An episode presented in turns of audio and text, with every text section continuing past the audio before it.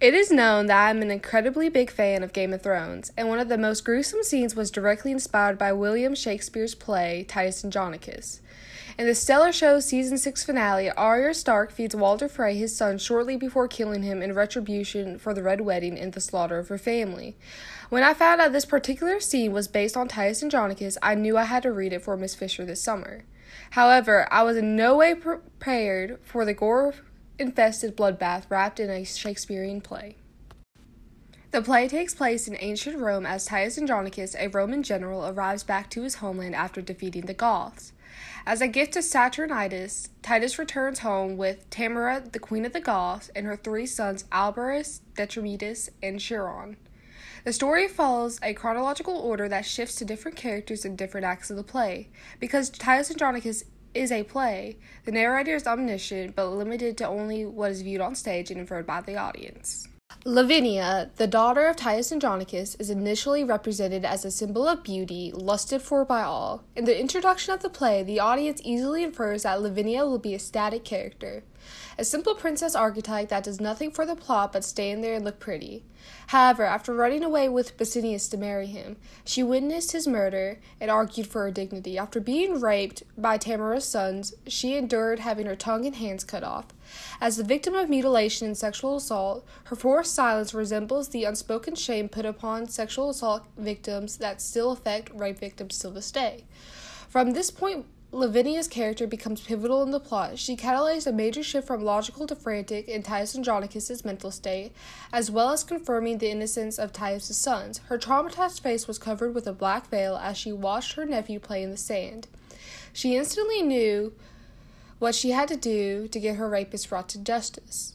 Lavinia placed a stick in her mutilated mouth and wrote in the sand the names of her assaulters, bringing them to their inevitable death by Titus' hand. Talk about hardcore. Ultimately, she became the victim of her father who could not cope with the shame she brought to their family. However, her death can be viewed as liberation from living in a state of dismay and violation. In the play, Titus Andronicus himself is a symbol of honor. His entire life has been centralized around Rome and his strict moral code. In his eyes, the world is black and white. This creates a philosophy that Shakespeare repeatedly tests throughout the play. Titus's honor is demonstrated when he kills his son, who opposes the Roman emperor, along with when he kills Lavinia because her rape brings dishonor to the family name.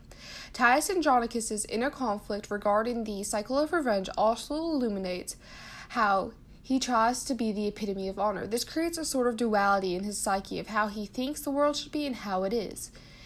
In this way, his symbolization of honor can resonate with the audience because everyone has their own individual code of ethics that they apply to the world.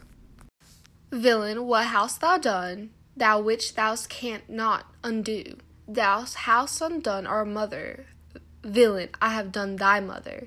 This conversation between Demetrius, Aaron, and Chiron follows Tamora's birth to a black child revealing her infidelity in sexual relations with Aaron of Moor.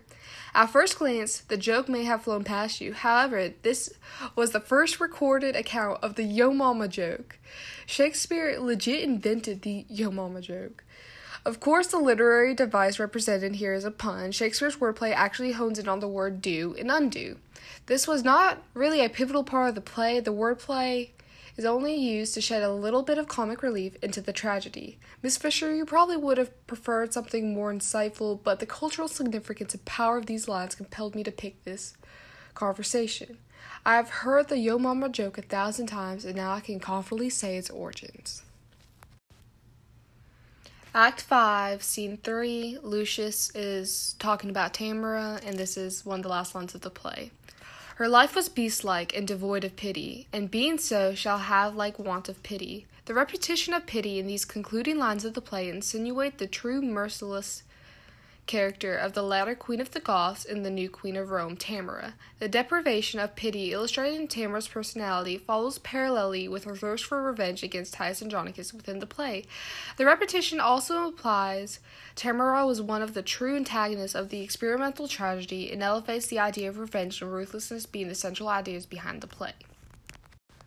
Titus Andronicus at its core is a representation of how disastrous the cycle of revenge is to those who reap it. Shakespeare demonstrates revenge as a tragic and extremely gruesome undoing of the Roman Emperor Tamora, her sons Titus, and most of his lineage. Tamora ate her sons in a pie, Titus was killed by Saturninus, and Saturninus was killed by Titus Andronicus's last living son. Their deaths imply nothing good comes from seeking to gain justice by unethical terms against those who have wronged you. Seeking revenge only creates a cylindrical nature of wrongdoing and sorrow that's essence is entirely encapsulated within Titus Andronicus. If I didn't like someone in Lit, I would recommend Titus Andronicus to them. This play has very little depth in my eyes and the complexity of an 80s slasher film.